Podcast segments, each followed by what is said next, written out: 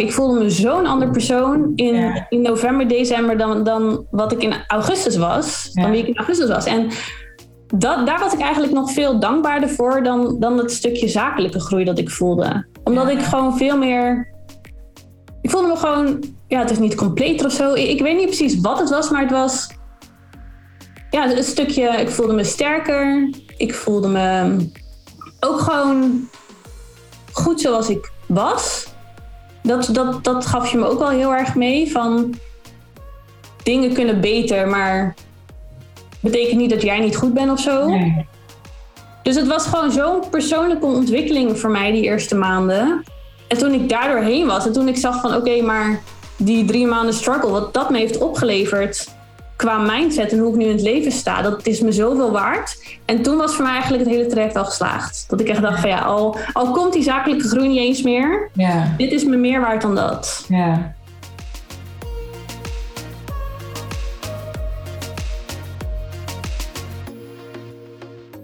In deze aflevering is aan het woord mijn klant Tarinda Straver. Zij begon ongeveer een jaar geleden in The Real Deal.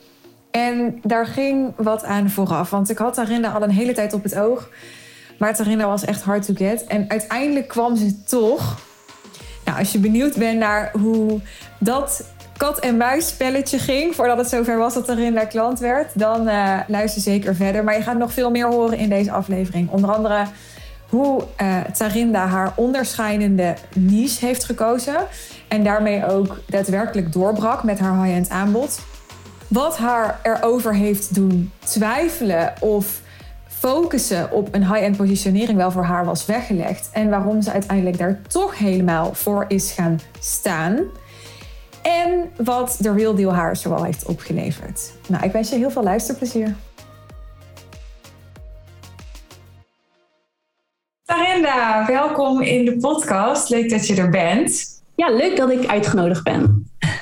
Wij uh, werken al een tijdje samen. Ja. Voor de mensen die uh, jou niet kennen of niet goed weten wat je doet. Zullen we daarmee beginnen? Ja, ik ben Tarinda. Ik ben content- en marketingcoach. En ik help ondernemers aan sterke sprekende content waarmee ze meer en leukere klanten aantrekken en zichzelf als leading expert positioneren. Waarom ben je zo goed met content? Ik kan goed schrijven. Ik zie heel snel hoe een tekst beter kan, sterker kan, sprekender kan. Ik ben goed in marketing. Ik um, weet veel van salespsychologie marketingprincipes. Dus ik zie ook heel goed de strategie achter een tekst, waarom iets dus goed werkt of niet. En als je dan de kracht van tekst combineert met de kracht van marketing, dan kan je dus teksten schrijven die niet alleen lekker lezen en aanspreken, maar ook echt een effect hebben en iets losmaken in je doelgroep. En die twee dingen die uh, kan ik heel goed combineren. Ja. Laatst uh, ging je weer viral op LinkedIn, hè? Ja, ja vorige week. Ja, en toen uh, vertelde je ook in stories, ja, eigenlijk wist ik het al dat het ging gebeuren. Ja. Want ik had heel bewust, had ik ja, had ik een strategie daarop toegepast? Dat zei je toch? Ja, ja het was een onderwerp waarvan ik wist, nou, dit is sowieso iets wat, wat mensen gaat aanspreken. Het ging over dat ik geen data heb. Dus dat ik alleen internet heb als ik wifi heb en dat is alleen thuis. Dus buiten de deur ben ik nooit bereikbaar eigenlijk. Dus ik heb geen notificaties, geen e-mails, geen WhatsApp, niks komt er binnen. Dus ik wist al dat het iets is wat in deze wereld of in deze tijd best wel bijzonder is. Dus ik dacht of mensen die denken van wow, hoe doet ze dat? Of die vinden het heel inspirerend. Of die denken, ja, dat zou ik dus zelf nooit willen. Dus ik dacht, je spreekt eigenlijk een hele grote groep mensen aan. En ik had het vervolgens op zo'n manier ingericht of, of ehm, opgebouwd. En bepaalde emoties wist ik van nou, als ik dit zinnetje zo zeg, dan spreekt dat weer net aan. En ja, er zat helemaal een idee achter waarvan ik dacht, nou, als ik hem zo neerzet, dan moet hij het wel heel goed gaan doen. En, uh, en dat gebeurde ook, ja. Ja, ja. En wat levert dat dan op? Waarom is het zo waardevol voor mensen om te leren hoe ze hele goede copy en content kunnen maken? Nou, je kan heel goed zijn in wat je doet en heel waardevol zijn voor je klanten, maar als je dat niet kan overbrengen, dan weten mensen dat niet. Eigenlijk de eerste introductie die mensen hebben, of, het, de eerste kennismaking met jou, is je content, is wat ze online van je zien. Dus als je mensen niet meteen aanspreekt, dan zullen ze ook niet snel bij jou aankloppen. Dus op het moment dat je heel goed je waarde kan overbrengen en mensen echt kan raken en duidelijk kan maken van de oplossing die ik heb, die gaat jouw problemen oplossen, dat gaat je dit opleveren. We kunnen je leven samen transformeren. Op het moment dat je die waarde ook echt kan overbrengen, ja, dan zorg je ervoor dat mensen zich echt door je aangesproken voelen. En zolang mensen zich niet door je aangesproken voelen, gaan ze niet in je investeren. Ja, tof. Wat is jouw achtergrond nog heel even? Want uh, jij uh, je hebt een soort uh, influencer-achtergrond, toch? Ja, klopt. Ja, ik heb eerst journalistiek gestudeerd. Ik ben ook fotograaf geweest en toen ben ik naar India verhuisd. Dat is al inmiddels vijf en een half jaar geleden. En daar uh, gingen we heel veel reizen ook. En toen heb ik daar heel veel foto's van gemaakt en op Instagram gaan delen. En dat account ging, groeide eigenlijk heel hard. En uh, ja, binnen no time had ik een paar tienduizend volgers. En uh, dat werd ook opgepikt door bedrijven en influencer marketingbureaus. Dus toen uh, ja, werd ik een soort van reisinfluencer inderdaad. Ja. Ja. Maar je hebt dus journalistiek gestudeerd. Ja. En um, je Instagram-account groot gemaakt. Dus nou, daar zitten al die ingrediënten wel in, hè, van content. Ja, het is tekst, het is marketing. Inderdaad, ja. jezelf goed in de markt zetten, de aandacht trekken. Dus het is inderdaad ook gewoon heel veel ervaring wat ik zelf heb opgedaan door de jaren heen, die ik dan nu inderdaad samen heb gebracht. Ja, ja. En wie is jouw ideale klant? Ideale klant is ondernemers die goed zijn in wat ze doen, die ook bewezen hebben dat ze goed zijn in wat ze doen door dat ze klanten hebben die tevreden zijn, die resultaat behalen, maar die voelen dat er meer in zit. En die weten ook dat stukje meer zit niet zozeer in nog beter worden in wat ik doe. Want ik, ik doe het al goed, maar meer beter worden in hoe ik het overbreng. Dus inderdaad gewoon veel meer benadrukken. Wat maakt ze dan uniek? Wat maakt ze dan zo goed? Wat gaat het hun klanten opleveren als ze met hun aan de slag gaan? Dus echte mensen die heel veel te bieden hebben, maar die nog kansen zien in hoe ze dat overbrengen op hun doelgroep. En ben jij dan een business coach of ben jij de coach die ze naast een business coach hebben? Nee, naast een business coach. Nee, ik ben geen business coach. Um, heb ik al een tijdje gedaan, maar dat, dat, dat is echt te breed voor mij. Want mijn kracht zit echt in het stukje content en marketing. Dus ik help mijn klanten ook echt met het stukje content en marketing. Dus, dus qua aanbod of sales of al dat soort dingen, dat, daar help ik ze niet bij. Dus het, het is bij mij meer, je business coach help je met het laten groeien van je bedrijf. En ik zoom echt in met jou op het stukje content ja. en het stukje marketing, waardoor die groei ja. gewoon nog harder gaat. Ja, ja. Wat ik mooi vind aan hoe je dit zegt, is dat je daarin heel overtuigend kiest. En dat vinden heel veel mensen lastig. Ja. Is dat niet lastig voor jou? In eerste instantie wel, want ik, ik heb dus ook wel, ik ben dus ongeveer een jaar heb ik echt meer business coaching gedaan. Dat ik mensen echt met heel veel verschillende onderwerpen hielp.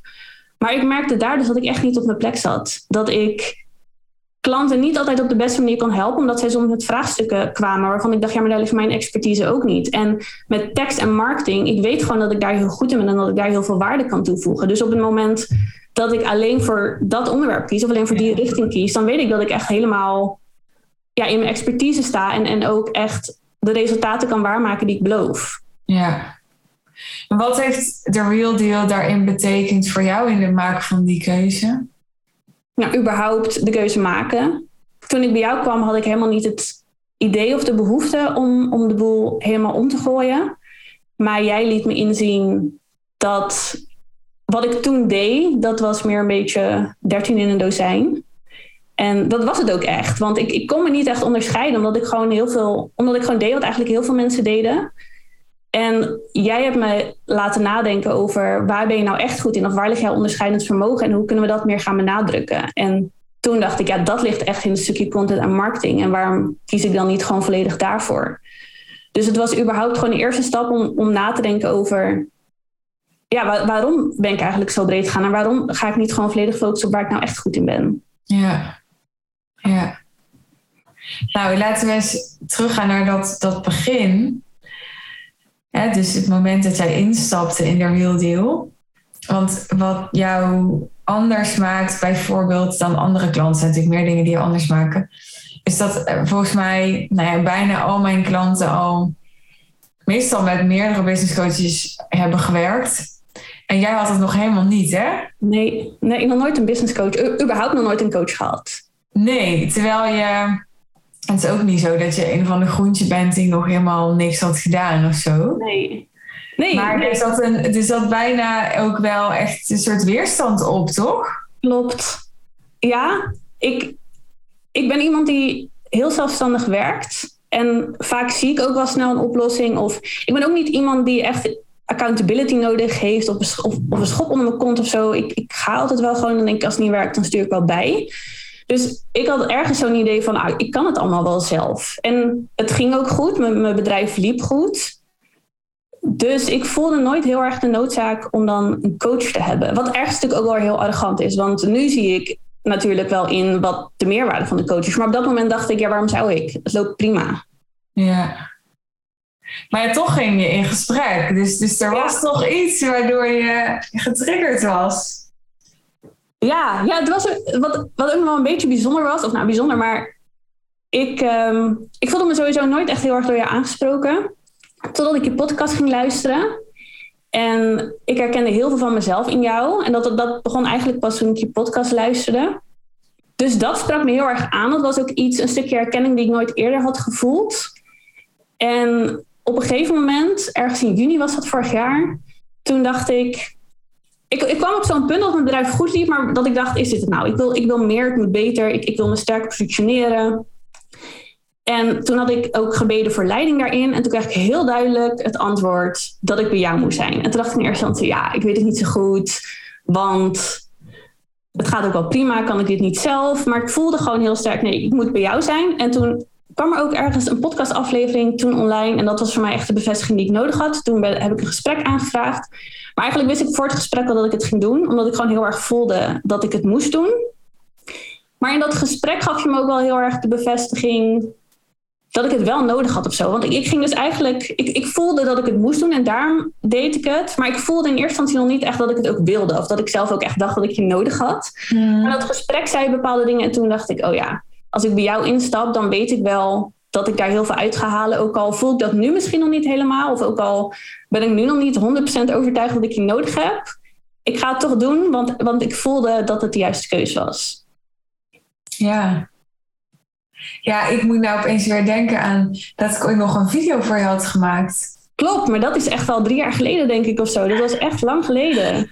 Want ik weet, oké, dit is wel een grappig verhaal om te vertellen. Dit komt nu allemaal weer boven. Ik was dit alweer een beetje kwijt. Ik heb zo'n zo'n nurture list, hè? Dat, ik weet niet of je dat weet, dat vertel ik ook altijd op mijn sales event. Nou, inmiddels is die een beetje verwaterd, zeg ik heel eerlijk. Maar ik had jarenlang had ik zo'n nurture list en daar stonden dan gewoon 40 mensen op waar ik die eigenlijk continu in de gaten hield, omdat ik het interessant potentiële klanten vond. En daar heb jij heel lang opgestaan. En ik heb jou heel lang dus gevolgd en genurtured en dan stuurde ik even zo'n berichtje. En um, nou, op een gegeven moment hadden we ook volgens mij een kort DM-gesprekje. Ja. toen heb ik echt nog een langere video voor je opgenomen. Zo van, kijk deze video, dit zijn mijn ideeën voor jou. En toen weet ik nog dat jij echt zo reageerde, zo van... Ik weet niet meer precies wat je zei, maar het kwam er echt op neer dat je er helemaal niks mee kon. Nee, ja. En dat het helemaal niet aansloot bij wat je wilde. En ik had echt zoiets van, ja, ik, ik weet echt niet wat ik met deze video moet. Nee, ik weet niet meer precies ook wat je zei, maar ik dacht echt, nou, hier ken ik me totaal niet in. Nee, ik voelde me echt niet. Ik vond het echt een afknapper in die zin. Ja, ik heb daar echt heel erg. Nou ja, toen vond ik het misschien niet heel leuk. Maar later heb ik daar echt heel erg om gelachen. Dat, dat ik, nou ja, als je het dan hebt over de plank misslaan, was dit. Aan de ene kant was dit dus echt de plank misslaan als je keek naar hoe jij reageert. Aan de andere kant, als je het nu ziet in het hele verhaal, dan denk ik, ja, ik, ik zeg niet dat je als, als ik. Misschien ben je wel klant geworden later, ondanks die video, hè? dat zou ook kunnen. Maar nou ja, wat denk jij zelf? Heeft dit niet ergens onderbewust toch een soort zaadje geplant voor een idee? Of was het gewoon. Nou, ik ben je wel blijven volgen, want ik, ik vond het wel weer heel moedig dat je dat deed. Dat je gewoon zomaar een video stuurde en helemaal jouw visie gaf over mij en hoe je naar me keek. En dat ik wel dacht van oké, dit zou ik zelf nooit durven of nooit doen. Dus ergens had ik wel bewondering voor je. Ook al was de inhoud niet echt. Ook al sloeg dat niet helemaal aan, gewoon hoe je het deed, dacht ik wel van oké, dit doet ze wel weer heel slim of zo. Of dit, dit is wel iets ja, wat, wat ik knap vind, moedig vind. En ik ben, ja, wat ik zeg, ik ben je wel altijd blijven volgen. Dus het is niet zo dat ik echt op je afgeknapt was. Dus wie weet, wie weet, ja, heeft het wel wat gedaan, ja. Ja. Waren het ideeën die ik toen deelde, denk je, waar je gewoon toen nog niet aan toe was? Of deelde ik gewoon hele slechte ideeën? Ik denk beide. Ik denk dat ik ook niet aan toe was. Want ik, ja, jij zei ook dingen en toen dacht ik, ja, wat, het is denk ik echt iets van drie jaar geleden of zo. En zo, zo ver was ik toen nog niet. Dus ik denk dat ik me ook gewoon niet echt kon verplaatsen in de dingen die je zei. Maar het was ook, jij zei één ding van, ja, je zegt nu dit, maar ik denk eigenlijk dat je dit ermee bedoelt. En toen dacht ik, wat nou? Ik bedoel dat helemaal niet. Ik bedoel gewoon wat ik zeg. Dus ik voelde me ook gewoon een beetje aangevallen. Dus het was misschien wat je zei, maar ook wel dat ik dacht van, ja, sowieso voelt dit niet echt alsof je bij mij moet zijn of zo. Ik heb nu echt zin om die video terug te kijken. Ja. Of ik hem nog kan vinden. ik heb echt geen idee meer. Grappig.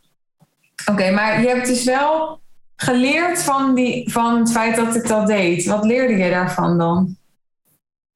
Nou, ik, ik, vond, ik vond het heel moedig. Dat jij gewoon mensen een berichtje stuurde en gewoon vertelde. Maar waarom dan? Wat vind je dan precies moedig aan? Nou, omdat je dus kans hebt op een reactie als die van mij. Oh ja. En jij liet je daar niet door afschrikken. Jij laat je daar nooit door afschrikken. Jij denkt altijd van, nou, ik ga gewoon. En als ik tien keer een nee krijg, nou, dan komt er ook wel weer een keer een ja. Prima. En ik vond dat op dat moment. En nu nog steeds wel soms, maar toen helemaal dacht ik wel van wow, ja, dan moet je wel een beetje een dikke huid hebben. Je moet dat wel aankunnen. Vond ik allemaal wel heel spannend toen. Ja. Ja. Maar je hebt nu een dikkere huid, vind je? Nu vind ik het allemaal iets minder spannend. Nog steeds ben ik wel. Ik, ik ben niet zoals jij daarin. Ik vind jou altijd wel echt.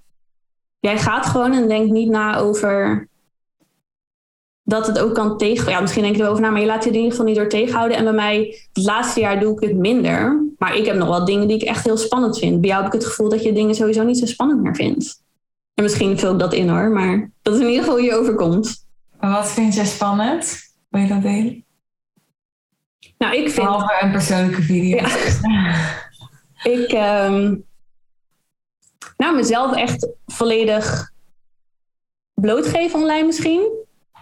Want ik kan wel, ik, ik, ik ben best wel kwetsbaar online, ik ben best wel open online, maar toch altijd wel op een niveau dat je nog wel zelf de controle hebt. Dus uiteindelijk bepaal ik natuurlijk zelf hoeveel kwetsbaarheid ik laat zien of hoeveel ik van mezelf blootgeef. En echt 100% mezelf zijn, dat, dat vind ik soms best nog wel spannend. Um, ik vind het ook best wel spannend om mensen te benaderen waarvan ik denk van, ja, die staan echt veel verder dan ik sta. Mm. Dat ik dan toch bang ben dat ze denken: oké, wat moet zij? Waarom zou zij me kunnen helpen? Daar zit dan toch nog een stukje onzekerheid onder. Ja, best wel bang nog voor afwijzing af en toe, denk ik. En ik, ik merk wel sinds ik bij jou ben ingestapt, dat zijn dingen waar jij mensen heel erg in stimuleert, waar je mij heel, heel erg in hebt gestimuleerd en ook juist heel erg de nadruk legt op wat er allemaal mogelijk is, in plaats van wat er allemaal mis kan gaan of tegen kan vallen. Dus ik merk wel dat, dat dat steeds minder wordt. Maar het is nog steeds wel iets waar ik wel soms even overheen moet stappen. Ja. Was jouw reactie niet toen op die video van mij ook ja, eigenlijk de reactie waar je misschien zelf wel bang voor bent? Ja, misschien wel. Ja, dat denk ik wel, ja. Want daar zit ik nu ook over na te denken. Kijk, gewoon, dit is dus echt absoluut geen, geen kritiek of zo, maar meer een, een, een soort van verwondering. Je had natuurlijk ook kunnen zeggen toen. Oh, nou, wat interessant om te horen hoe je er naar kijkt, dankjewel of zo.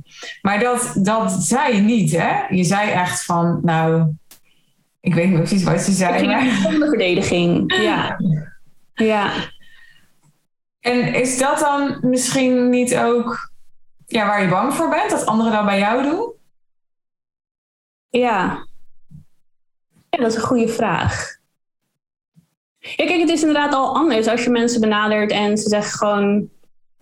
Ja, nee, sorry, het spreekt me niet aan, maar dankjewel dat je meedenkt. Of ik heb er geen behoefte aan of iets. Dan wanneer mensen echt je het gevoel geven dat je met iets aankomt waar ze totaal niet op zitten te wachten. Misschien ben ik daar wel bang voor, ja. Ja, ik heb er echt nooit zo bewust over nagedacht. Maar nu het zegt, denk ik, ergens zou ik dat wel heel spannend vinden. Ja, maar dat zou je dus, ik ga er geen hele coaching sessie van maken, maar dat, daar zou je dus mee kunnen beginnen.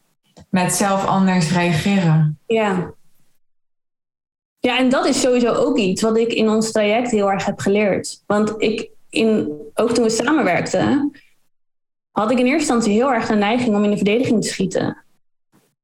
Als jij dan iets zei en ik dacht, ja. Ja. ja, dat Ja. is niet echt iets waar ik achter sta of ik voel het niet. Of dan ging ik mijn eigen keuzes heel erg verdedigen. Terwijl jij op een gegeven moment ook zei van ja, maar je hoeft je niet te verdedigen. Je kan ook gewoon zeggen, oké, dankjewel, ik denk erover na. En dan beslis je vervolgens zelf of je er iets mee doet of niet. Ja. En dat was voor mij echt een eye-opener. Dat ik dacht, oh ja, oké, ik hoef me niet te verdedigen. Ik kan ook gewoon iets aannemen en het dan ook weer loslaten. Of Ja. er wel iets mee doen. Ja. En ik weet ook wel waar dat vandaan komt. Hoor. Dat is gewoon iets, van, iets vanuit mijn tienerjaren. Dat ik altijd wel heel erg mijn keuzes moest verantwoorden. Of de dingen die ik deed. Dus het is ook gewoon een beetje een oude pijn die daar zit. Ja. Die ik onbewust dus heel lang met me meedroeg. En eigenlijk pas bij jou erachter kwam van... oh ja, dat is inderdaad wel echt mijn default modus. Dat ik mezelf ga verdedigen in plaats van dat ik gewoon dingen kan aannemen. Ja. Ja, want die, dat weet ik nog wel. Die eerste paar maanden van onze samenwerking, die waren best wel een tough cookie, hè? Die gingen stroef. Ja, Ja, dus toen had je eindelijk ja gezegd. Dacht ik, nou, nu gaat het gebeuren. En toen, ehm, nou, deel maar in jouw woorden. Ik zal het misschien wel aanvullen wat mijn perspectief was. Maar, maar wat gebeurde er toen die eerste maanden? Ja, ik was van plan om in september een groepsprogramma te lanceren. En jij had eigenlijk al tijdens de kick-off gezegd van ik denk dat het slimmer is als je gewoon op één high-end aanbod gaat focussen. En dat wilde ik niet, want ik dacht nee, ik had al helemaal in mijn hoofd dat ik dat groepsprogramma ging lanceren. En Maar dat had ook een, een high-end aanbod kunnen zijn, toch? Dus het ging ja, klopt. Dus ik ben wel in prijs omhoog gegaan. Ja. Al, maar het was, ook, het was ook algemeen. Want dat was echt nog dat business coaching wat ik toen deed. Dus het was, Ja. het was echt zo'n programma wat, wat iedereen ongeveer had kunnen aanbieden. Maar het was soms- niet alleen dat groepsprogramma. Je wilde ook volgens mij een online programma. En volgens mij had je sowieso drie dingen. Ja, want ik, ik, ik had al cursussen en ik Ja. dacht, ja, die heb ik nu al staan. Dan Ja. ik wat ook nog los te laten. Dus Nee. ik dacht, ik ga gewoon door met cursussen, groepsprogramma en dan één op één. Ja. Zo had ik het al die, al die tijd gedaan. Dus ik dacht, daar wil ik Ja. gewoon mee, mee doorgaan. En dan wilde ik gewoon niks anders? Nee, nee, ik stond er gewoon niet voor open. Ik dacht, dit is gewoon mijn aanbod. En dat, daar sta ik achter. En dan mag jij me helpen bij de positionering en de sales. Maar je mag niet aan mijn aanbod zitten. Dat was Ja. mijn idee. En toen, ja, je liet me wel heel erg mijn eigen ding doen. Maar je liet wel elke keer ook merken dat je het zelf anders zou doen. Of, of je liet me dan inzien van ja, maar als je dan het wel loslaat, wat kan dat je dan opleveren? Of geeft dat niet meer rust of meer focus? Of kan je jezelf dan iets sterker positioneren? En ik, ik heb het allemaal wel opgeslagen, maar op dat moment dacht ik, ja, nee, dat is gewoon niet wat ik wil. Dus ik heb er niet, niet echt wat mee gedaan toen, totdat ik het programma in september ging lanceren. En ik dacht, ja, ik trek nu eigenlijk mensen aan die ik helemaal niet wil aantrekken. En het ging allemaal best wel stroef. En terwijl ik het aan het promoten was, dacht ik, ja, ik kan, ik kan gewoon meer dan dit. Ik kan beter dan dit. En dat was het eerste zaadje dat toen, of, of ja, ja, zaadje is geplant voor het eerst. Voelde ik toen van, oké, misschien is het helemaal niet zo gek wat Suus al die tijd heeft gezegd. En op een gegeven moment zat ik er zo in die lancering en dacht ik elke keer van... waarom wil ik hier zo graag aan vasthouden? Wat is dat dan? En toen kwam ik tot de conclusie dat het gewoon... Ja, ik vond het gewoon spannend om maar voor één aanbod te gaan. Ja. En toen dacht ik, ja, daar, daar wil ik me niet door laten tegenhouden. Dus ik ga het gewoon alsnog wel loslaten. Dus eigenlijk tijdens mijn lancering heb ik al besloten dat dat de laatste ronde was. Ja. En dat ik daarna alles zou loslaten. En toen ben ik ook meteen alles gaan loslaten. Want toen ben ik dus de overstap gemaakt van business coaching naar content en marketing. Maar ik zat pas nog wel te denken. Als ik jou wel meteen had gevolgd, of meteen had gedacht bij de kikker van: oh, oké, Suus zegt dat ik het zo moet doen, laat ik dat dan maar doen. Dan denk ik dat de weg daarna wel moeilijker was geweest. Want ik ben wel iemand die pas echt iets doet als ik er 100% achter sta. Mm. Dus als ik gewoon iets had gedaan puur omdat jij het zei. En als het dan bijvoorbeeld daarna tegen zou zitten of het zou moeilijk gaan, dan zou ik heel snel denk de verantwoordelijkheid bij jou neerleggen. Ja. Of in ieder geval die neiging hebben van, oh ja, maar Suus zei dat ik dit moest doen, dus. Ja. En nu heb ik het hele tijd kunnen laten bezinken en ben ik mijn eigen weg gegaan totdat ik zelf echt voelde, nee, dit is het niet, ik moet iets Ja. anders doen. En toen kon ik ook echt 100% die keus maken en had ik ook echt die commitment. En wist ik van, oké, nu ga ik ervoor. En als het dan tegenvalt, dat maakt niet uit, want ik heb ervoor gekozen en ik ga er gewoon voor zorgen Ja. dat het succesvol Ja. wordt. Dus het heeft me in die zin. Kijk, op dat moment dacht ik wel van ja, ik heb nu twee maanden verspeeld. door niet naar jou te luisteren. Maar daarna dacht ik, nee, eigenlijk had ik, had ik dat wel gewoon nodig. Die overtuiging dat, dat die echt vanuit mezelf ook moest komen. Ja. Ja. Ja, zoals ik het zie, is eigenlijk heel simpel. Je had gewoon tijd nodig om te leren om een coachie te zijn. Omdat je gewoon die ervaring niet had. Dat is wat ik echt heb gezien. En wat ik op een gegeven moment ook tegen je heb gezegd, volgens mij. Ja. dus wat jij net zei over... Ja, ik stond er niet voor open en ik wilde gewoon blijven doen wat ik deed. Dus je was eigenlijk in het begin niet zo coachable. Nee, helemaal niet. Nee. En, en uh, ja, daar heb ik natuurlijk ook wel eens aan getwijfeld. Dat ik dacht, ja, wat doe ik hier nou mee? Maar ik ben best wel denk ik een volhouwer. Ja. en daarom heb ik ook een jaartraject. Omdat ja. ik denk jij ook echt een mooi voorbeeld bent van dat een half jaar gewoon te kort was geweest. Omdat het zijn vaak dit soort processen die gewoon enkele maanden tijd kosten. En bij sommigen zit dat aan het begin en bij sommigen zit dat halverwege en bij anderen zit het aan het eind. Die zijn bijvoorbeeld, die gaan heel hard, zijn heel succesvol en dan krijgen ze bijvoorbeeld na negen maanden krijgen ze opeens een soort van, ja, is dit het nou? procesje, weet je wel. En dan gaan daar weer een aantal maanden overheen. Maar bij iedereen zie ik dat in zo'n jaar er altijd, jij hebt het dan over hè, een paar maanden verspeeld, maar iedereen heeft gewoon enkele maanden nodig, zeg maar twee tot soms wel zes maanden nodig voor echt zo'n intern proces. Ja, ja. Ja, en die zat bij mij dus gelijk aan het begin. Dat ik gelijk inderdaad in eerste instantie gewoon in de weerstand ging. Ja. En dat moest ik eerst leren loslaten. En ook, ook kijken waar komt dat dan vandaan? Wat wil ik daarmee? Ja. En het is, omdat ik dus nooit een coach had gehad, waren dat dus inderdaad ook gewoon hele nieuwe dingen voor me. Ja. Normaal was ik zo gaan om gewoon mijn eigen ding te doen en niemand die er iets van vond of zei. En nu had ik ineens iemand die elke keer zijn mening erover gaf. En dan moest ik echt mee leren omgaan. Ja. Ja. Maar vond je het ook wel fijn? Ja, nee, zeker. Ja, absoluut. Want ik had het ook in de, de vraagformulier gezet toen ik een call aanvroeg, van dat ik ook jou wilde, omdat ik wist dat jij een, van de weinigen bent die mij ook aan kan. Want ik weet, kijk, ik ken mezelf, ik weet dat, dat ik dit soort karaktereigenschappen heb. En ik heb gewoon best wel een sterke persoonlijkheid waar niet veel mensen goed mee om kunnen gaan. Ik kan best wel snel over iemand heen walsen. Dus ik dacht, ik heb ook gewoon iemand nodig die tegengas geeft, die inderdaad blijft doorzetten. En niet gelijk denk van, nou, dan zoek je het maar uit of zo. Dus ik, ik heb daar heel veel aan gehad. En ook in mijn persoonlijke leven daarna. Dat ik echt dacht van, oh ja, er zitten dus bepaalde patronen. Waarvan ik nu weet waar ze vandaan komen. Waar ik wel iets mee moet. Want anders ja, blijf je alles maar op je eigen manier doen. Maar dat is niet altijd per se de beste manier. En het is natuurlijk sowieso een hele waardevolle les. Om gewoon meer open te staan voor de mening van de ander. In plaats van altijd meteen in de verdediging te schieten. En, en je eigen pad te blijven gaan. Ja, ja. Ja, wat, wat ik ook leuk vind, waar we het ook een aantal keer over hebben gehad, is dat jij zei net al, ik herkende veel van mij in jou.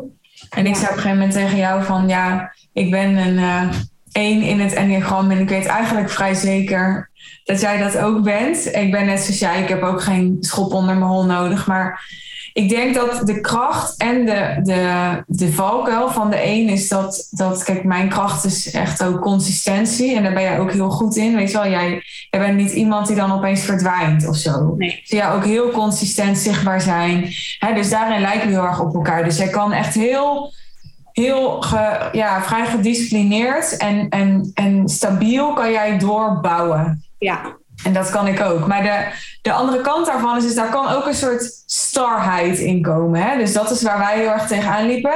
Dat je dan gewoon, je zit in een soort van tunnel. Je bent gewoon in een tunnel alleen maar rechtdoor aan het gaan, rechtdoor aan het gaan, rechtdoor aan het gaan. En, en ja, je, je, je ontwikkeling zit hem erin dat je dus leert wanneer je ook even moet kijken van, oh ja, waar ben ik? En en klopt dit nog? En kan dit ook slimmer dat je even wel om je heen kijkt? Of wel even stil gaat staan? Of wel even uh, omdraait? Of weet je wel? En, en nou ja, ik weet niet hoe jij dat ervaart, maar dat herken ik heel erg van mezelf. Dat ik ik zit in mijn comfortzone als ik gewoon door kan gaan met hetzelfde. Dus, ja, ik de laatste, ja, dus ik vertelde laatst tegen iemand van... voor mij is het heel erg uit mijn comfortzone... dat ik nu na zeven keer mijn event hebben gedaan... daar dan nu mee stop. Want voor mij zou het veel relaxed zijn om te zeggen... oké, dan ga ik het in het voorjaar nog een keer doen... en dan in het najaar nog een keer doen. En dan, want ik hou heel erg van die soort van stelselmatigheid. Terwijl heel veel ondernemers juist al, al nou, bij de derde keer al zouden denken van... Uh, moet ik nou nog een keer, weet je wel? Nu, nu wil ik iets anders, nu wordt het saai. Ja, nee, dat heb ik ook heel erg. En dan gewoon een bepaalde mate van voorspelbaarheid, ja. geeft controle. Ja. Dat, voelt allemaal heel lekker. In plaats van elke keer nieuwe ideeën of nieuwe dingen moeten doen. Of, dan vind ik het allemaal gauw spannend worden. En dan denk ik, nou laat me maar gewoon lekker mijn eigen ding doen.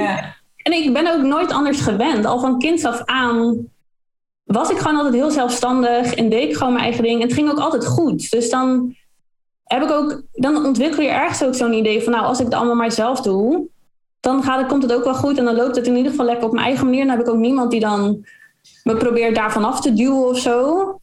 Dus het is ergens ook gewoon een soort van beschermingsmechanisme geweest, denk ik. Dat ik dacht, dan blijf ik allemaal lekker in mijn comfortzone en dan kom ik er ook wel. Terwijl nu zie ik op het moment dat je daar wel even uit geduwd wordt, hoeveel er dan weer mogelijk is. Ja. En dat was voor mij wel echt een inzicht dat ik dacht, oh ja, ik, ik kan best wel ver komen op het moment dat ik het allemaal zelf doe. Maar ik kom veel verder als ik ook mensen toelaat om me daarin te begeleiden. Ja. Ja, dus is het echt waar dat het altijd goed ging? Ik word er altijd heel sceptisch van. Dan denk ik, maar je hebt daar ook een prijs voor betaald. Voor het altijd alleen doen. Nee, zeker. Ja, nee, want ik werkte echt uh, wel veel. Dus ik had, voordat ik bij jou instapte, had ik wel echt goede omzetten had ik ook rond de 10k maanden. Daar had ik dus allemaal nooit een coach voor gehad. Maar ik werkte wel veel en het was soms wel overweldigend. En ik liep ook wel tegen vraagstukken aan waar ik zelf geen antwoord op had. Ja. En waar ik dan wel het beste van probeerde te maken. Maar ja, waarvan toch altijd wel een bepaalde onrust voelde van... is dit nou de goede manier of kan ik dit beter doen? Of... Dus in die zin, kijk, voor de buitenwereld ging het goed. Ik was succesvol, ik, ik had lekkere omzetten. Maar er sluimerde natuurlijk wel heel veel onrust en vraagtekens. Ja, ja. ja, als ik erop terugkijk, dan was dat misschien wel voor 80% jouw coaching. Dat ik jou elke keer uit je comfortzone trok. Omdat eigenlijk altijd, als wij in een call zaten, misschien heb ik het een beetje selectief onthouden, maar dan was de strekking van jouw verhaal, nou, het gaat eigenlijk heel goed.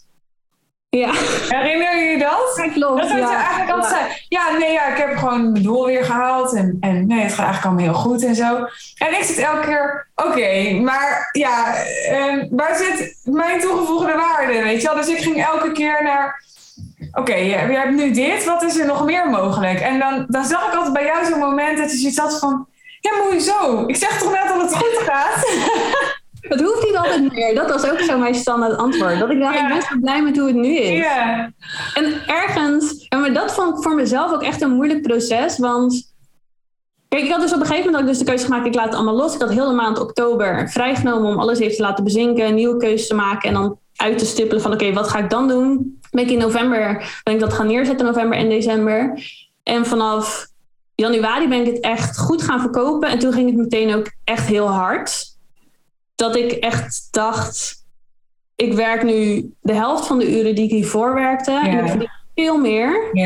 En het liep ook gewoon consistent door. Het ging er best wel makkelijk af. Dat ik op een gegeven moment dacht, ja, waarom zou ik meer willen? Ik ben zo blij met waar ik nu sta vergeleken met waar ik een jaar geleden sta. Ik vind het ook wel even lekker zo. Dat. En dan, dan, ja, nu je het zegt, dat is ook waar dat ik dan heel snel toch weer de neiging heb om dan in die comfortzone te blijven van het is al goed nu, dit loopt lekker, laat mij maar gewoon even een jaartje hierin zitten.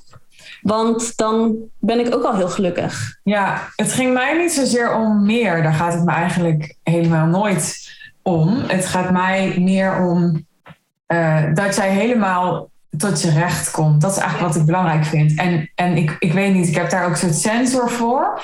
Ik voel dat als het te makkelijk gaat bij mensen, en dat was gewoon een aantal keer bij jou, dat zeg je eigenlijk zelf ook, van het ging allemaal ja. makkelijk.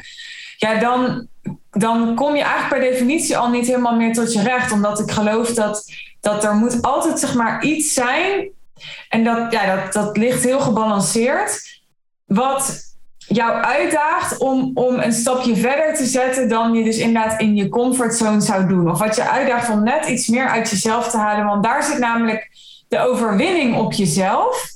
En ik geloof dat dat, die overwinning op jezelf, ja, dat maakt dat je, dat je meer zelfvertrouwen krijgt. Hè? Ook al voel je je misschien helemaal niet onzeker. Maar dat je. Ja, dat maakt dat je, dat je echt veel sterker wordt als mens. En, en daar ga je je echt vervuld en gelukkig door voelen. Dat is gewoon wat ik elke keer zie. Ja, en dat zei je op een gegeven moment ook. Want ik zei dat toen tegen jou, maar het hoeft van mij niet per se meer qua klant of omzet. Dan zei je op een gegeven moment ook van, ja, maar focus je dan op meer voldoening of meer plezier of meer Ja. Ja, dacht ik, oh ja, daar zit wel, wel een kern van waarheid in. Want ik ben dan ook alweer zo, ik hou heel erg van die voorspelbaarheid en een soort van gezonde mate van sleur, dat ik gewoon Ja. weet waar ik aan toe Ja. ben. dat heb ik Maar ik heb wel uitdaging nodig. Want op het Ja. moment dat ik helemaal geen uitdaging heb, dan ben ik dingen heel snel zat. En dan kan ik ook echt van het een op het andere moment klaar mee zijn. En toen dacht ik, ja, op het moment dat ik dit doorzet en het loopt lekker, maar ik verlies de uitdaging, dan ga ik ook het plezier verliezen en de voldoening. En dan op een gegeven moment kom ik dan op het punt waarvan ik dan denk, ik wil, het, ik wil het gewoon niet meer. En ik dacht, Nee. ja, dat punt moet ik voor zijn. Dus dat heeft me wel heel erg aan het denken gezet. Dat ik dacht van, oké, maar hoe kan ik dan inderdaad er meer uithalen of mezelf hier meer in uitdagen? Maar ja, dat vond ik soms best wel lastig. Dat ik echt een beetje moest balanceren tussen gewoon blij zijn met waar ik ben en daar gewoon van genieten. En tegelijk ook wel van, oké, maar er is nog zoveel meer mogelijk. Want dat voelde ik ook wel heel erg. En dat benoemde jij ook elke keer. Van, je kan veel meer dan dit. Maar ja, de weg vinden hoe. Of hoe ik daar dan echt ook mijn eigen draai aan kon geven. Zonder dat ik het gevoel had dat ik altijd maar harder moest of meer moest. Of, dat vond ik best wel een uitdaging. Maar wat me daarin wel heel erg heeft geholpen, is dat jij wel mij altijd de bevestiging gaf van je kan nog zoveel meer dan dit. Ik denk dat ik dat onbewust toch ook nog nodig had. Dat ik ook dacht van, oh, maar wat ik nu heb, het loopt zo lekker en dit is zo fijn. Dat, dat wilde ik dan heel krampachtig vasthouden. Van dit wil Ja. ik niet verliezen. Ja, En jij zei dan, ja, het kan alleen maar meer worden eigenlijk. En dat ik dacht, oh ja, dat is ook alweer zo'n inzicht waarvan ik denk, ik, ik kan nog groter dan dit. Dat, dat voelde ik in het begin ook niet altijd. nee. Nee. Waar ik ook nog benieuwd naar ben, is... Het ging jou dus ja, allemaal eigenlijk vrij makkelijk af, ondernemen. Hè, als ik het even zo samenvat. Wat maakt dat, denk je? Welke, welke ingrediënten heb jij? Welke karaktertrekken? Of wat, wat doe jij? Ja, want voor heel veel mensen is dat natuurlijk niet zo. Het is niet voor niks dat, eh, ja, dat, dat heel veel eh, ZZP'ers en bedrijven weer stoppen in de, wat is het, eerste drie jaar of zo. Dus wat, kan je iets zeggen over wat, wat de succesfactoren zijn? Ja, een, een stukje zelfstandigheid sowieso. Ik kan dus heel goed zelf gewoon alleen werken. Ik heb weinig accountability nodig, maar ik zie ook heel snel zelf wel de oplossing. Of ik denk gewoon, nou, ik probeer wat en als dat niet werkt, dan stuur ik bij en dan probeer ik weer iets nieuws. Ik, ik blijf niet zo lang hangen in dat ik het antwoord niet weet of dat ik vastloop of zo. Ik, ik ga gewoon door en dan, dan aan de hand daarvan, ja, of ik stuur bij of het gaat goed en dan kom je ook alweer een stapje verder. Oké, maar heel even hierop ingaan, hè? even om te ontleden. Want oké, ik ben een ondernemer, ik zit vast. En dan zeg jij, ja, maar als ik vast zit, dan ga ik gewoon door. Maar hoe dan? Want je Ja, maar zit niet- niet door met- wat doe je dan? Nee, maar dan ga ik dus denken, wat zijn mogelijke oplossingen? En dan zie ik zelf al heel snel van, nou, ik kan dit proberen, ik kan dat proberen, ik kan dat Ja. proberen. Nou, ik kies er nu één. Ja. En als dat niet Maar werkt, dan kom ik toch weer op dat kiezen.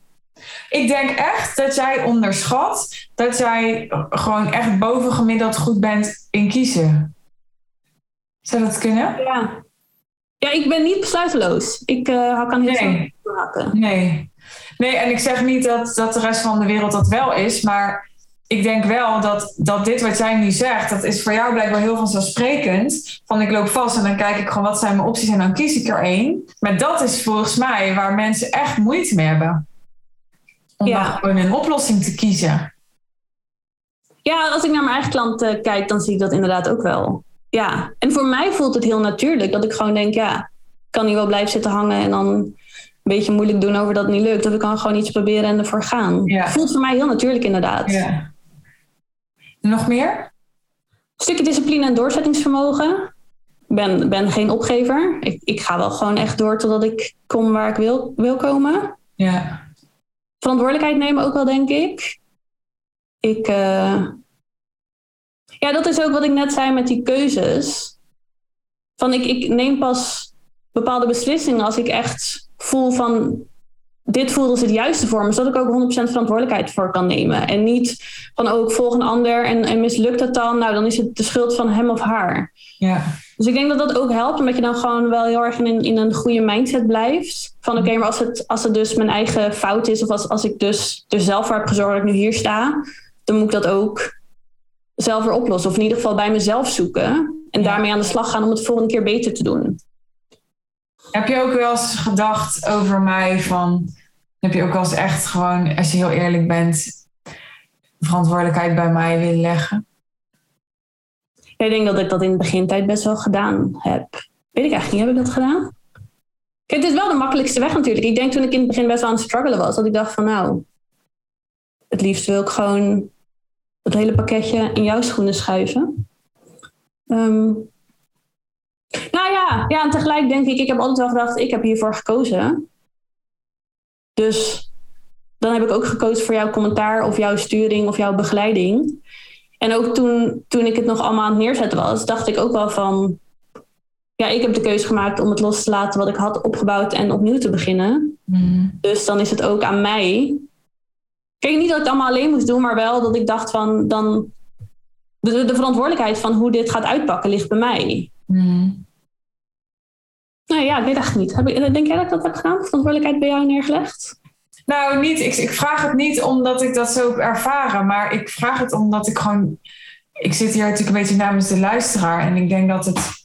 Ik heb denk ik allemaal hele verantwoordelijke luisteraars, maar ik denk dat het gewoon iets heel menselijks is. Precies wat jij al zegt, hè, een beetje de makkelijke weg om. ehm, Kijk, dingen die, die ik tegenkom met klanten is, we pakken even dat voorbeeld waar we het net over hadden. Iemand loopt vast en dan zijn er een aantal keuzes. En wat ik bijvoorbeeld wel zie gebeuren is dat mensen dan eigenlijk al die keuzes niet helemaal voelen. En dan gaan ze dus eigenlijk niet een keuze maken. Of wel een keuze maken, maar dan daar niet echt voor gaan. Ja, dus ze, doen eigenlijk eh, zo een beetje naar mij van... kijk, ik heb hiervoor gekozen. Maar ik merk dan aan hun gedrag dat het eigenlijk nog...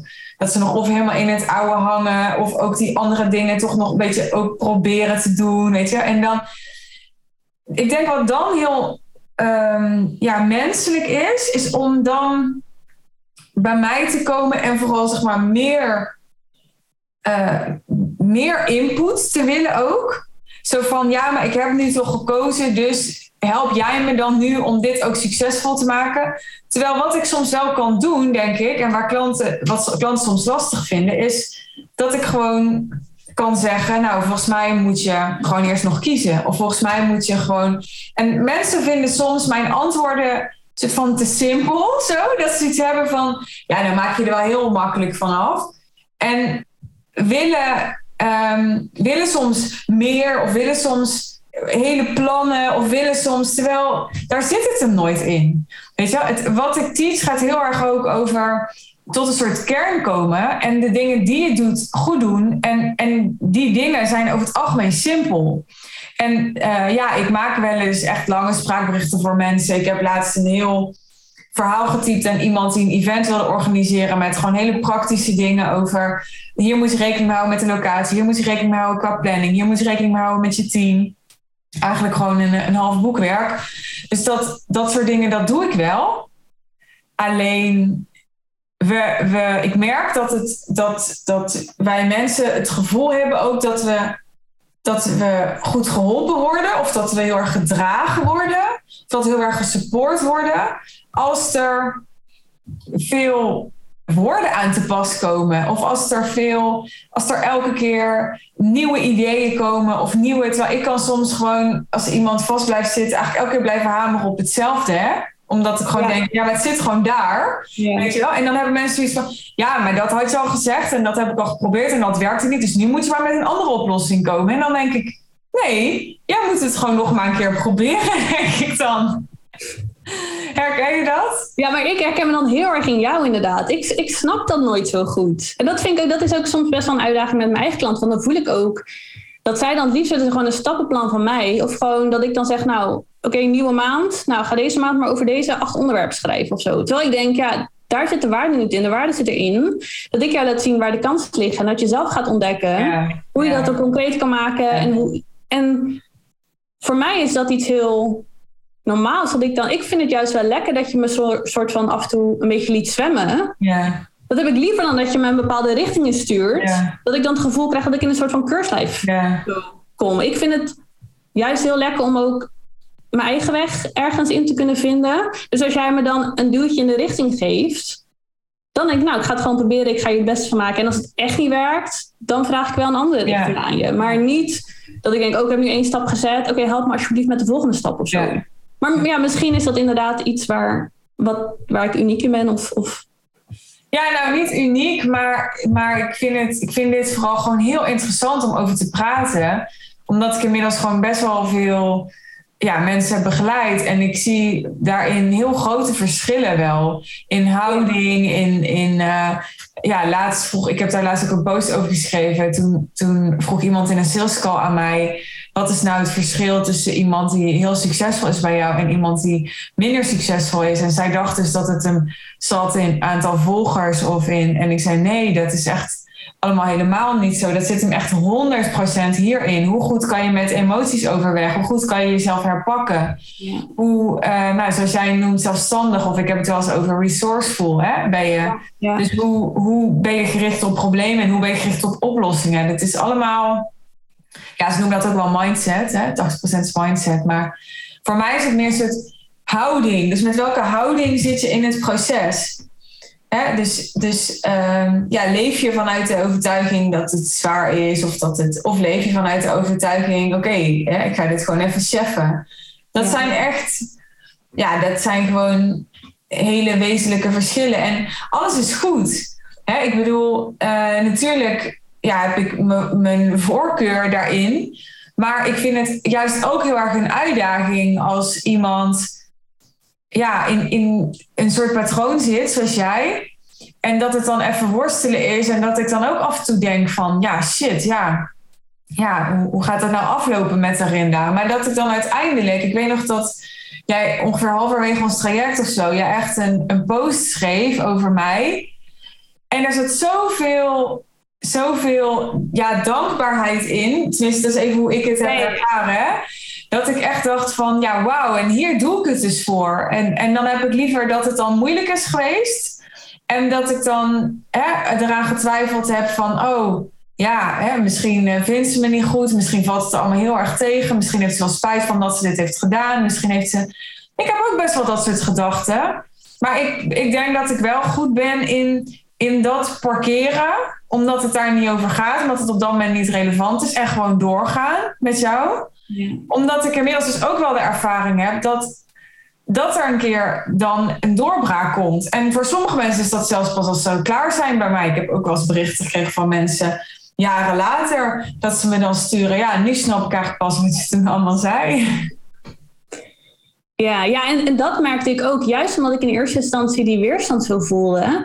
En toen ik daar eenmaal doorheen was, zeker op persoonlijk vlak. Ik voelde me zo'n ander persoon in, in november, december dan, dan wat ik in augustus was. Dan wie ik in augustus was. En dat, daar was ik eigenlijk nog veel dankbaarder voor dan, dan het stukje zakelijke groei dat ik voelde. Omdat ik gewoon veel meer. Ik voelde me gewoon. Ja, het is niet completer of zo. Ik, ik weet niet precies wat het was, maar het was. Ja, een stukje. Ik voelde me sterker. Ik voelde me ook gewoon goed zoals ik was. Dat, dat, dat gaf je me ook wel heel erg mee. Van dingen kunnen beter, maar betekent niet dat jij niet goed bent of zo. Dus het was gewoon zo'n persoonlijke ontwikkeling voor mij die eerste maanden. En toen ik daardoor heen was en toen ik zag van oké, maar die drie maanden struggle, wat dat me heeft opgeleverd, qua mindset en hoe ik nu in het leven sta, dat is me zoveel waard. En toen was voor mij eigenlijk het hele traject al geslaagd. Dat ik echt dacht van ja, al, al komt die zakelijke groei niet eens meer, ja. dit is me meer waard dan dat. Ja. Mooi. En over die zakelijke groei, kan je daar nog even concreet over zijn?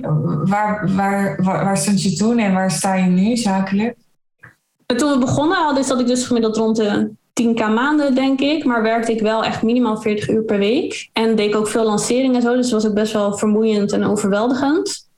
En toen, ehm, ja, toen we dus samen begonnen, toen kwam er juist een beetje een dalletje in, in inkomsten. Omdat ik gewoon heel erg mijn weg aan het vinden was. En ook dus die maand oktober vooruitgenomen. November en december waren echt bouwmaanden. Dat ik, dat ik echt dacht van oké, wat wordt dan de nieuwe richting? Hoe ga ik dat neerzetten? Wie wordt mijn ideale klant? Dus daar heb ik ook wel de tijd voor genomen. En toen vanaf januari eigenlijk, nieuwjaar, ben ik dat echt gewoon goed in de markt gaan zetten. Ja, toen had ik gelijk in zeven weken zeven nieuwe klanten. En toen dacht ik, ja, ik zit gewoon echt op de goede weg nu. En dat gaf me zoveel rust, zoveel bevestiging, zoveel voldoening. Dat, ja, ik was daar echt heel blij mee. Want dat was dus een omzet in zeven weken, wat, wat, wat ik dat jaar daarvoor ja, zes, zeven maanden over had gedaan. En dan met maar 20 uur werk per week in plaats van minimaal 40. Ja, ik weet ook nog dat jij op een gegeven moment ook zei tegen mij. Want toen had ik het over, ja, moet je niet een VA hebben? Je had volgens mij geen VA. En toen zei je, zus, mijn business is zo simpel. En, en wat er is, heb ik allemaal geautomatiseerd. Ik weet van god niet waar ik een VA voor moet hebben. En toen zei ik, ja, maar wil je dan niet minder werken? Ja, maar ik werk al maar twee dagen. Echt Ja, nee, dat ik echt dacht van... Ja, ik, ik, had, ik, ik maak dan ook gebruik van Tokkel. En toen was ik zelf ook gaan kijken van... Oké, hoeveel per maand zou ik weg kunnen... Of, of aan iemand kunnen uitbesteden. Ja. toen kwam ik echt op drie, vier uur. Ik dacht, ja, dat is echt de moeite niet waard per maand... om daar iemand voor in te werken. Dat zijn van die kleine dingen, nou, die, doe, die doe ik er wel even bij voor nu.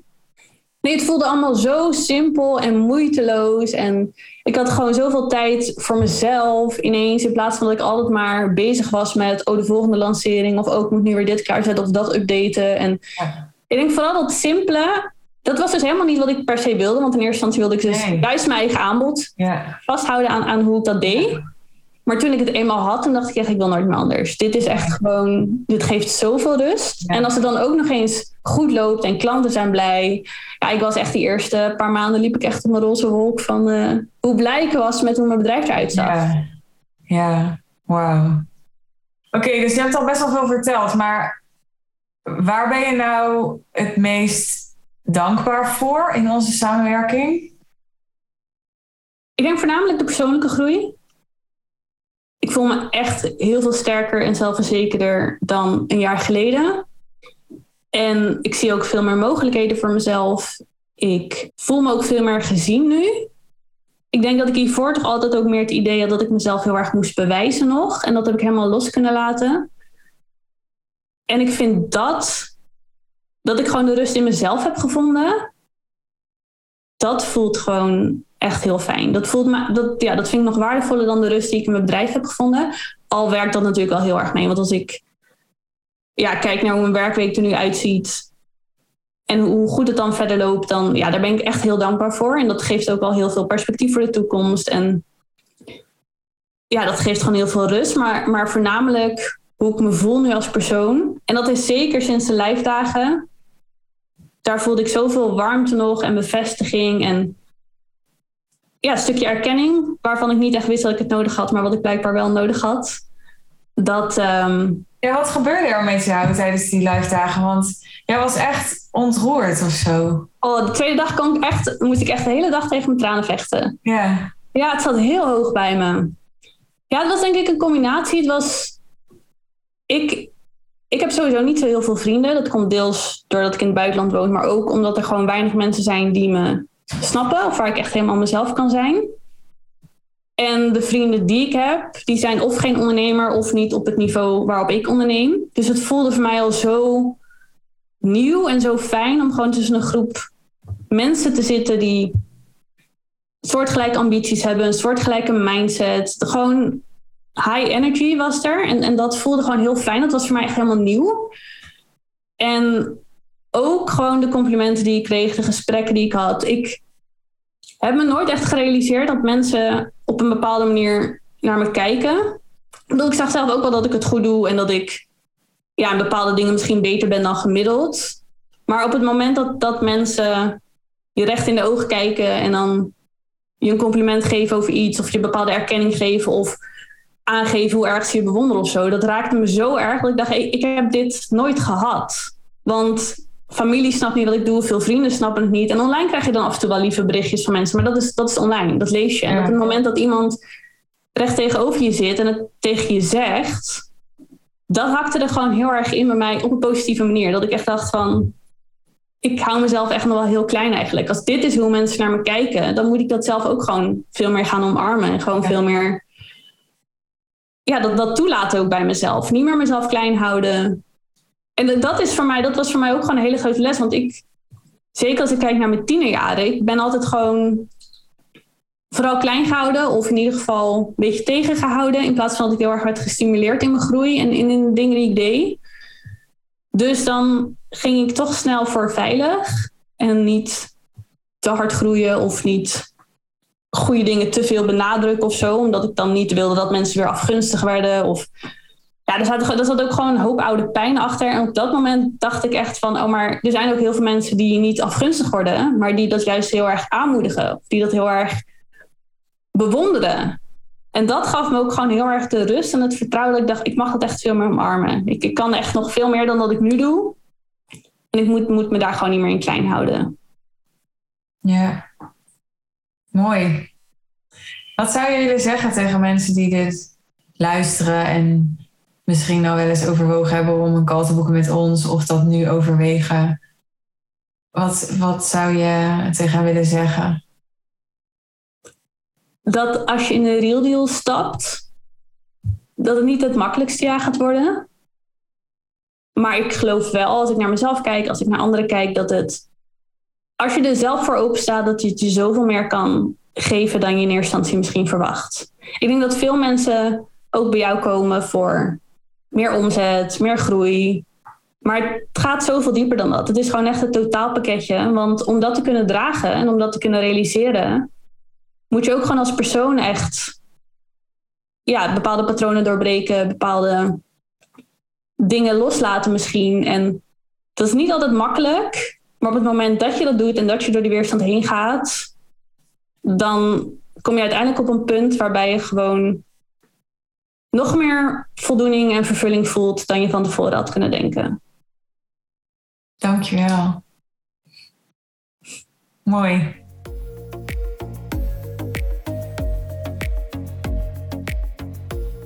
Wat super dat je helemaal tot hier in deze aflevering bent gekomen. En dus daar ga ik even voor het gemak van uit mijn hele gesprek met Tarinda hebt geluisterd. Ik hoop dat het inspirerend, waardevol en ook stimulerend voor je was. Ik hoop dat het je een zetje heeft gegeven om ook met ons in gesprek te gaan. En om misschien wel in de komende maanden ook te gast te zijn als klant van ons, als real dealer in deze podcast. En dan natuurlijk ook met zo'n succesverhaal. En ook met zo'n bumpy journey, want dat gaat het zijn. Maar wel een die het zo ontzettend waard is. Nou, vind je het interessant om met ons te spreken over de perspectieven die ik voor jou zie? En hoe in jouw situatie een high-end positionering ervoor kan zorgen dat jij je hoogste ambities waar gaat maken. Niet gewoon maar je ambities, echt je hoogste ambities. En dat op een zo simpel en winstgevend mogelijke manier. Op zo'n manier dat je geen concessies hoeft te doen aan wat verder belangrijk is in je leven. Maar dat jouw bedrijf juist dat faciliteert wat voor jou belangrijk is. En dan heb ik het niet zozeer of per se over een eh, exotische lifestyle, wat voor mij ook allemaal mag en leuk is. Maar juist ook over dat wat jouw echte vervulling geeft dat wat jou het gevoel geeft dat je de wereld echt anders gaat achterlaten dan hoe je erop kwam.